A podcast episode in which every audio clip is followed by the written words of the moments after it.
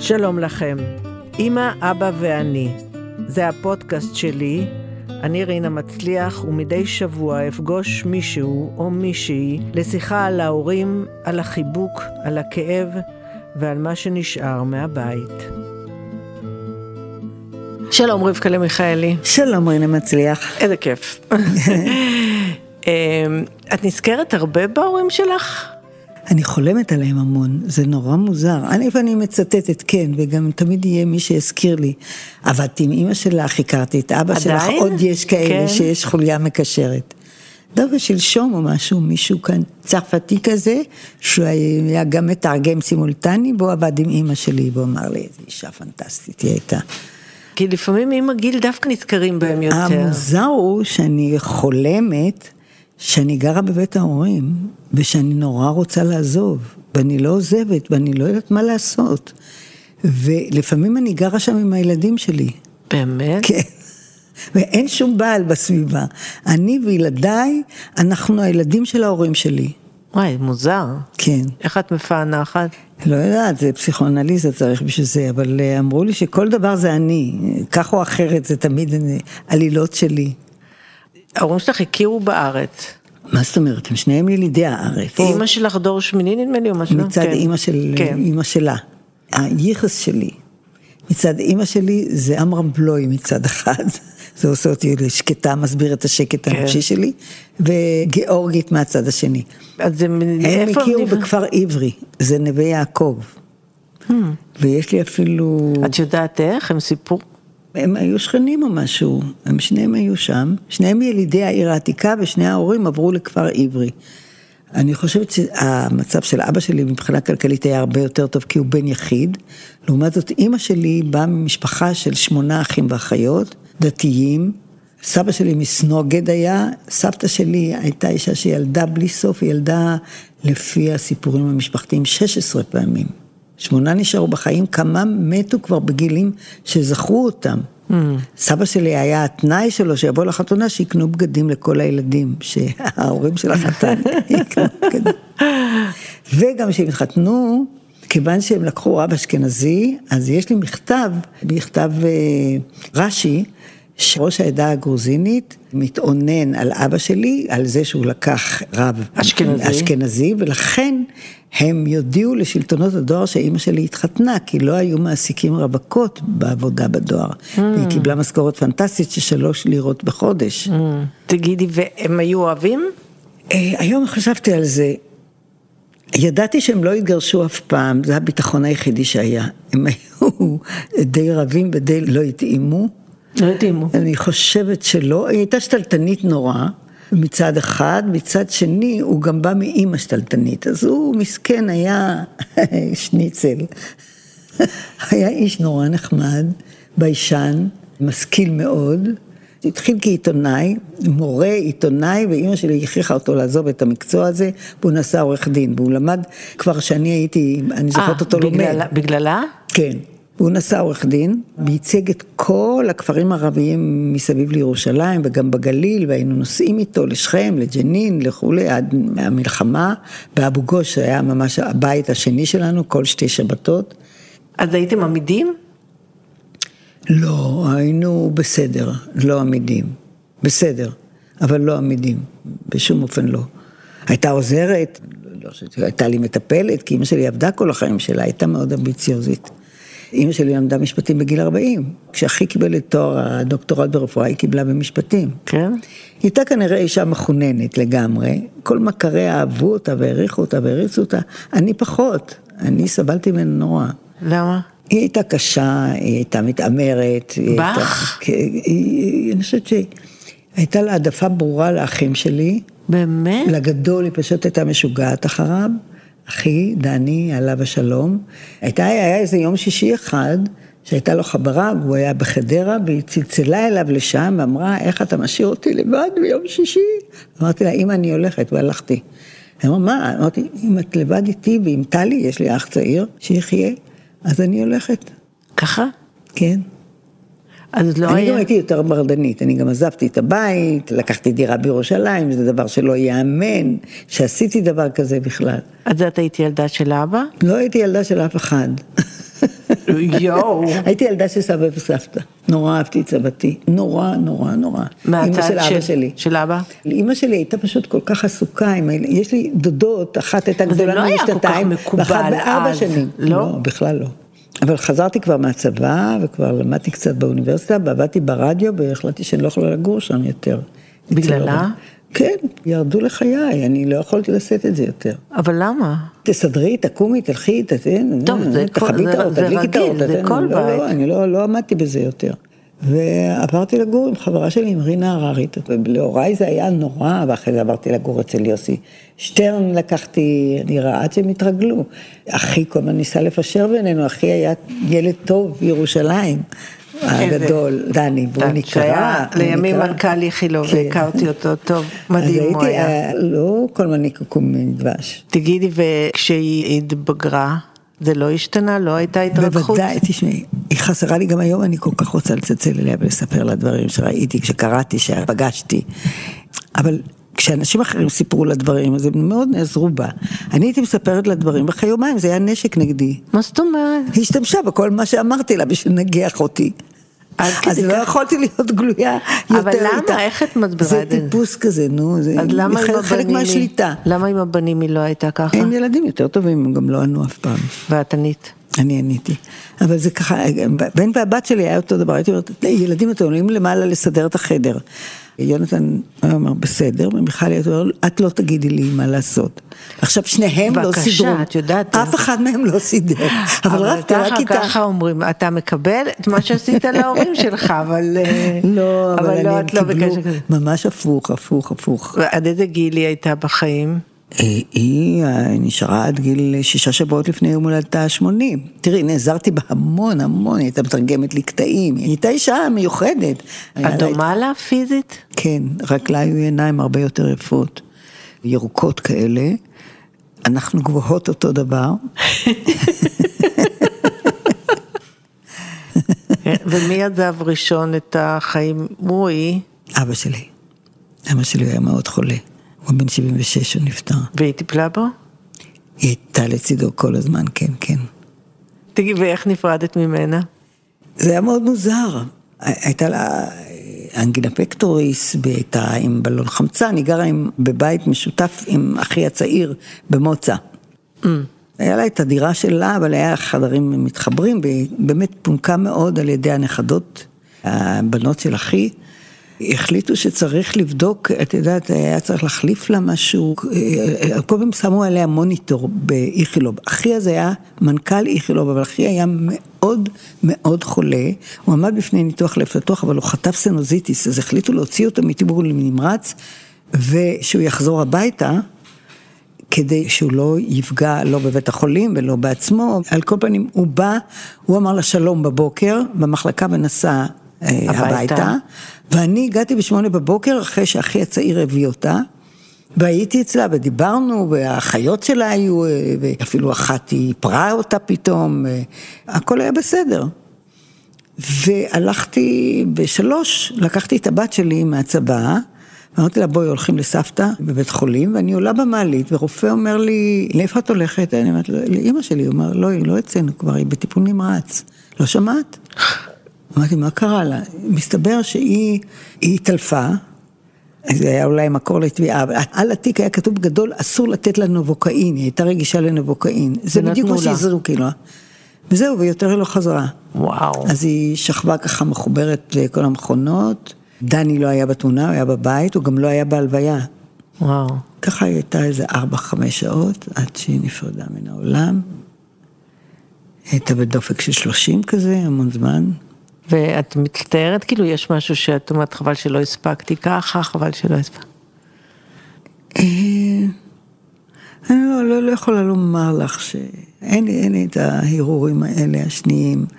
חבל לי שהיא לא, שהיא לא הלכה איתי מספיק, שהיא לא הייתה איתי מספיק, שהיא לא הקשיבה לי באמת, כמו שהיא הקשיבה לאנשים אחרים. היא הקשיבה לי, וזה תמיד היה חומר נגדי, וזה תמיד אני אזכור לה את זה. מה למשל? דוגמה לא אינטימית, אבל הייתה לי חברה מאוד חולה, ורדה איתי. אז אני אומרת לה, הייתי אצל ורדה, "אה, ואת יודעת איך שאני מרגישה? את יודעת איך שאני? אז אסור לי היה לספר יותר על ורדה, שלא לא, לא הזכרתי אותה, שהייתי אצלה בכלל. כי היא קנאה על כל דבר. אם הייתי אומרת לה, היו אצלי אלה ואלה, את ידעת שהם יהיו? כאילו היא חשבה שאת לא מספיק משקיעה בה? זה לא משקיעה, אלא כל החיים, היא לא קיבלה את זה שיש לי חיים אחרים. אחרים? שאני לא שלוחה שלה. אני לא שלוחה שלה. אבל לעומת זאת היא נורא התפעלה מהילדים, היא נורא אהבה את הילדים שלי, והיה לה פלא. אבל היא גם אהבה אותך. בוודאי, בוודאי, לא, לא פקפקתי באהבה, אבל בדרך השלטונית הזאת פקפקתי. אני, אני לא יכולה לקבל מרות, אני כנועה, כנועה, כנועה עד רגע מסוים. מרגע מסוים אני לא יכולה לסבול את זה יותר. וזה אחד הדברים שגם היא הייתה כזאת בעצם. את יודעת, הייתי פעם אצל אה, יוליה נוימן, והיא בעצמה ראתה אה, את האופי שלך על פי טביעת כף היד שלך בדיו. את היית אה, לוקחת את אוקיי. דיו, היא לא ידעה שיומיים אחרי זה היא תידרס, אבל... אני הגעתי אליה והטבעתי את ידי בכרית דיו, ואז הסתכלה, ודבר ראשון היא אמרה, אל תפחדי, את לא דומה לאימא שלך. זה הדבר הראשון שהיא אמרה לי בכלל. באמת? כן. את יודעת שאני, זה החלום שלי, שיגידו לי שאני דומה לי, אבל אף אחד לא אומר לי. אז מצד אחד, אין לי ספק שהמהירות והלשון החדה, והיא אשת אשכולות, היא לא כמוני, אני ממש העתק כבר חיוור שלה. אולי אני האכזבה גם במידה מסוימת, כי היא תרגמה ספרים, והייתה מתרגמת סימולטנית, והייתה משכילה אלי ציד. אבל היא הייתה אכולת אמביציות, ואני לא. אני עושה דברים, אבל בלי אמביציות. היא למשל הייתה קצינה בצבא מיד אחרי מלחמת השחרור. ואני תמיד זוכרת את אבא שלי עולה בסולם לבוידם, להביא סוכר. הוא אומר, לעזאזל אימא עם הקצינות שלה. אבא שלי היה מדבר בחטא ובעין. כן? כן, ופעם צלצלה חברה והוא היה אצלי פה בבית. והוא ענה, ואחרי זה אמרה לי, מי זה הפרנקים שמסתובבים אצלך בבית? אבל תגידי, הם הספיקו להיות גאים בך? כן, בוודאי, הם היו, פסטיבלי זמר ובכל דבר. אמא שלי היה תיק עיתונות, יש לי גדול שהיא. וואי, זה מדהים, כן, אימהות. כן, היא הייתה מנהלת חשבון, לא רואת חשבון, מנהלת חשבון, וכשהתחלתי להופיע בתיאטרון העונות, היא באה כל חודש ועברה על כל פתק. והם היו מתפוצצים ממנה, הייתי אומרת, מה זה הכביסה של ג'רמנו ניקובסקי עושה פה, אתה שמה עליה את המשקפיים, הם שנאו אותה בתיאטרון העונות, אבל בזכותה באמת זכיתי למשכורת טובה מאוד, כי עבדתי על אחוזים. השבוע היה משהו שכתבו עליי בעיתון. והעיתון היה על השולחן יום ויומיים, ואז אמרתי, אני אזרוק אותו, כבר אין מי שאוסף את זה. כן. אני לא אאסוף את זה, וכבר אין מי שאוסף את הקטעים האלה, וזרקתי את זה, וחשבתי, יש לי עוד איפשהו בבוידם את הקטעים שהיא אספה. כן, אז זה, זה כן, גם היה, תשמעי, ההורים שלי הם היו נורא עסוקים, באמת עסוקים. ואף פעם לא לקחו על עצמם תפקיד חינוכי. למשל, אבא שלי שידע ערבית כמו עברית, אף פעם לא אמר, בינתי ביאללה שבי, בואי אני אלמד אותך קצת ערבית. אימא שלי ילדה אנגלית כמו עברית. לא אמרה, בואי שבי, נעשה פעם בשבוע שיעור אנגלית. כן, אבל לא, כל ההורים לא עושים את זה, הם יכולים מקסימום לעודד אותך, ללמד אותך, זה קשה. אני גם לא עשיתי. היית לומדת מאמא שלך? בטח, בטח, אם הייתה רוצה. כן? כן. ותגידי, היא עשתה תיקון עם הנכדים?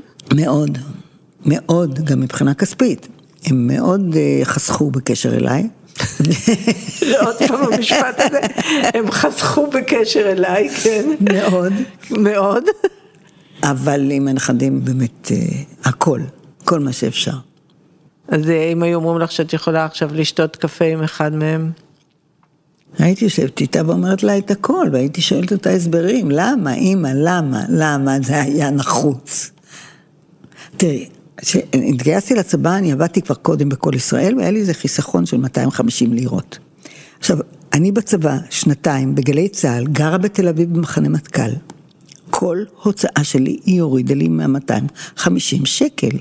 כשזה היה חזייה לתיקון, שלוש לירות. כל דבר, כל דבר הורידו לי. ועכשיו שבאתי לגור בבית, ועבדתי מהיום הראשון בחופשת השחרור ברדיו, היא הורידה לי 60 לירות על הוצאות השתתפות בהוצאות הבית. בהוצאות הבית? כן. זה דבר שלא הייתי מעלה בדעתי בכלל לעשות את זה לילדים שלי. ברור. אז אה, זה חלק, היא לא עשתה את זה לאף אחד מהאחים שלי מה? כמובן. לא. רק לך? היה משהו עם נשים אצלה. המון אחיות, לא יודעת. היא הייתה שולטת, גם לפי דעתי סבא שלי אהב אותה שיגעון, הוא היה מבוגר ממנה ב-19 שנים, הוא היה נורא חכם, סבי, באיש ספר, הוא היה פועל דפוס, ואשתו לעומת זאת, סבתי, חתמה באצבע, mm. כי היא התייתמה והיא גידלה את האחיות שלה, שכולן mm. למדו, חוץ ממנה. אז אה, איתה, היא הייתה ברת שיח, והוא פשוט היה גם קנאי לגבי אבא שלי, וגם טנטרומים, וכל מיני דברים זכיתי ממנו לראות, עושה לה, לאימא שלי. עכשיו, אימא שלי הייתה באמת, אה, כל דבר, ברגע שהייתי מבקשת משהו, אז אה, הייתי אומרת, אברהם תביא לי את הבלריאן. באמת? אבל לא כך הכירו אותה בחוץ. היא הייתה אישה משגעת, באמת אישה נדירה. פעם בשבועיים באו אלינו עיוורים בשבת והייתה קוראת להם. מבית חינוך עיוורים בירושלים. הייתה אישה שידעה לתת, והמון אנשים בסדר. הוא היה מביא לבלריאן. בוודאי, הכל. ואת חושבת שהיחסים האלה השפיעו עלייך בהמשך של החיים? כן. כן, אני מעט מאוד הלכתי לפסיכולוגים, אחד הדברים שפסיכולוג אמר לי, את מפצה את הגברים שלך בגלל אבא שלך. בגלל שהיה, נדמה לך שאבא שלך היה כל כך מקופח בבית, שאת חושבת שאת צריכה לפצות אותם. מעניין. כן. אני בטוחה שדברים שחווים עם ההורים משפיעים כך או ככה, בוודאי. בדיוק איך לא תמיד אנחנו יודעים. אבל יש לנו קול מאוד דומה. יש לי מכתבים נורא יפים ממנה, היה לה כתב יד משגע. והייתה אישה באמת נחושה, חזקה, קטנה. אבא שלי לעומת זאת היה עומד על השולחן ומשחק פסיאנס עם הקלפים, מה שאנחנו היום ספיידרמן או משהו. והוא היה תרגם המון דברים שלו שהוא תרגם לעצמו, של בודלר, מצאתי אחרי מותו. אה, באמת? כן. הוא היה מדפיס את זה במכונת כתיבה שלו. תרגם מצרפתית? מצרפתית, כן, הוא למד באליאנס. אני מאוד אוהבת את השירים של בודלר. אבי ידע על בוריין, אנגלית, עברית, ערבית וצרפתית. אימא שלי צרפתית היה פחות, אבל היא גם השתלטה על השפה, וכמובן גם גרמנית פתאום היא למדה. היא הייתה באמת משכמה במעלה בנושא הזה, פוליגלוטית, אמיתית. אחד הדברים שאני, באמת אני בגיל שמונה, חליתי בדלקת פרקים, וזה לא פשוט. זו הייתה מחלה אופיינית לילדים בירושלים ובצפת במקומות הקרים. למה דווקא? כי הבית לא היה מחומם היטב. איפה קרתם? בזיכרון משה. אה. אז היו תנורים כאלה, את יודעת, שהיו עוברים מחדר לחדר. על כל פנים, אני חליתי מאנגינה, זה התפתח, בדיוק אחי הצעיר נולד, ואני רצתי מבית לבית להגיד, והתחיל שלג בירושלים, ואמרתי שנולד לי אח, ובאתי הביתה קודחת, כמובן לסבתא שלי, והטיפול היה 25 כדורים ביום של פירמידון, זו תרופה שלא קיימת היום. וסבתי המסכנה, הייתי כופה עליה להביא לי שלג, פלח תפוז וכפית סוכר, ואז הייתי לוקחת את הכדור, ולרסק אותו. ככה שבועיים עד שהיא חלתה, הגיע וואו. דוקטור כגן, עטפה אותי בשמיכה, שמה אותי בפורד השחור שלה, חיכתה ליד הבית שלי, עלתה למעלה, אמרה לאימא שלי להמשיך עם הילדה לביקור חולים, או שלהביא אותה הביתה, אימא שלי אמרה תביאי אותה הביתה. ואז אימא שלי אמרה, תפתחי את הפה ותבלעי את הכדור. בלי תפוז ובלי זה. ובלט. ובלעתי, הייתי די הרבה זמן במיטה, גם קיבלתי תוך כדי זה סקרלטינה, מילדים שבאו לבקר אותי, זה היה בכיתה, הייתי די מסכנה. נגמר בניתוח שקדים, בת 12, ניתוח שקדים שהיה אכזרי, עכשיו שאני מעלה בדעתי, ישבתי בסן ז'וזף, זה בית חולים של נזירות, הושיבו אותי, שמו לי כליה, מה שקוראים את הקערה הזאת שנראית כמו כליה, צמודה. הוא הזריק לי לגרון, ואז הוא התחיל למשוך במברג. וואו, ככה? ככה היו עושים? ככה היה ניתוח. אימא שלי נשארה לישון איתי בבית חולים. תגידי, וכשהתחתנת? כשהתחתנתי זה היה, ואני הייתי בהיריון לפני החתונה, זה היה סיפור שלא ייאמן. אז פשוט אה, מאבא שלי טשטשו את זה די הרבה זמן, ובסוף, כמובן הילד נולד לפני שהתחתנתי, היא עשתה את הכל שאני אתחתן. יורם לא הייתה לו ברירה, הוא התגרש בינתיים, הוא היה נשוי. אני אשתו השנייה, אחרי זה התחתן פעם שלישית והתאלמן. בבית הוריי החתונה הייתה. סבא שלי... והיא פרגנה לך על זה? היא כל כך רצתה את הילד, היא אה. לא רצתה שיהיה משהו אחר, האלטרנטיבה השנייה לא נראתה לה. אני זוכרת שהיא לקחה אותי באוטו, ואני ישבתי לידה, יונתן הברכיים, ואני בהיריון עם מיכל, והיא אמרה, ריבה, כך קראו לי בבית, האמת, את התמונה הזאת לא ציפיתי לראות.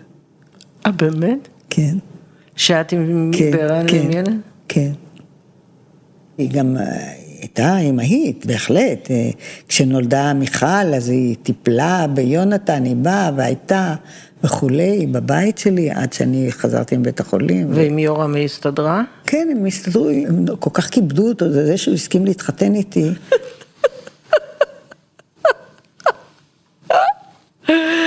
אז הם נתנו לו כבוד על זה? כן, היא תמיד הייתה אומרת, למה את לא מתחתנת? אז אמרתי, אמא, לא הציעו לי.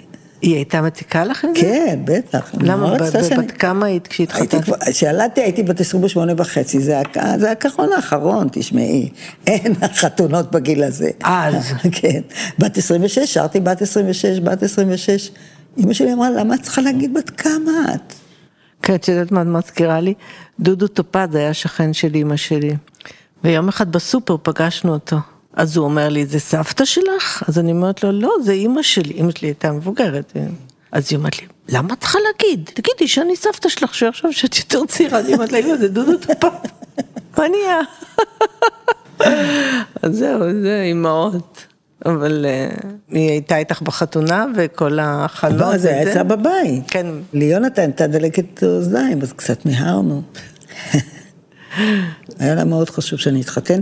גם האמת, לאבא שלה, לסבא שלי, הוא כתב שהוא לא רוצה לראות את הילד עד שלא יהיה בינינו חוזה. הוא אמר, לא מוכרח להיות דרך החרבנות הראשית, כך הוא היה כותב. הוא היה דתי, כן. עם פאות והכל, כל התפאורה, אבל הוא היה מסנוג היא לא. הייתה. לא, אבל אה, הוא רצה שיהיה בינינו חוזה. אחרי זה הוא נורא אהב את יונתן, הכיר אותו. בייחוד התפעל מזה שיונתן מושך לו בזקן. אבל זה כיף שלילדים היה סבא וסבתא. כן, בהחלט, בהחלט.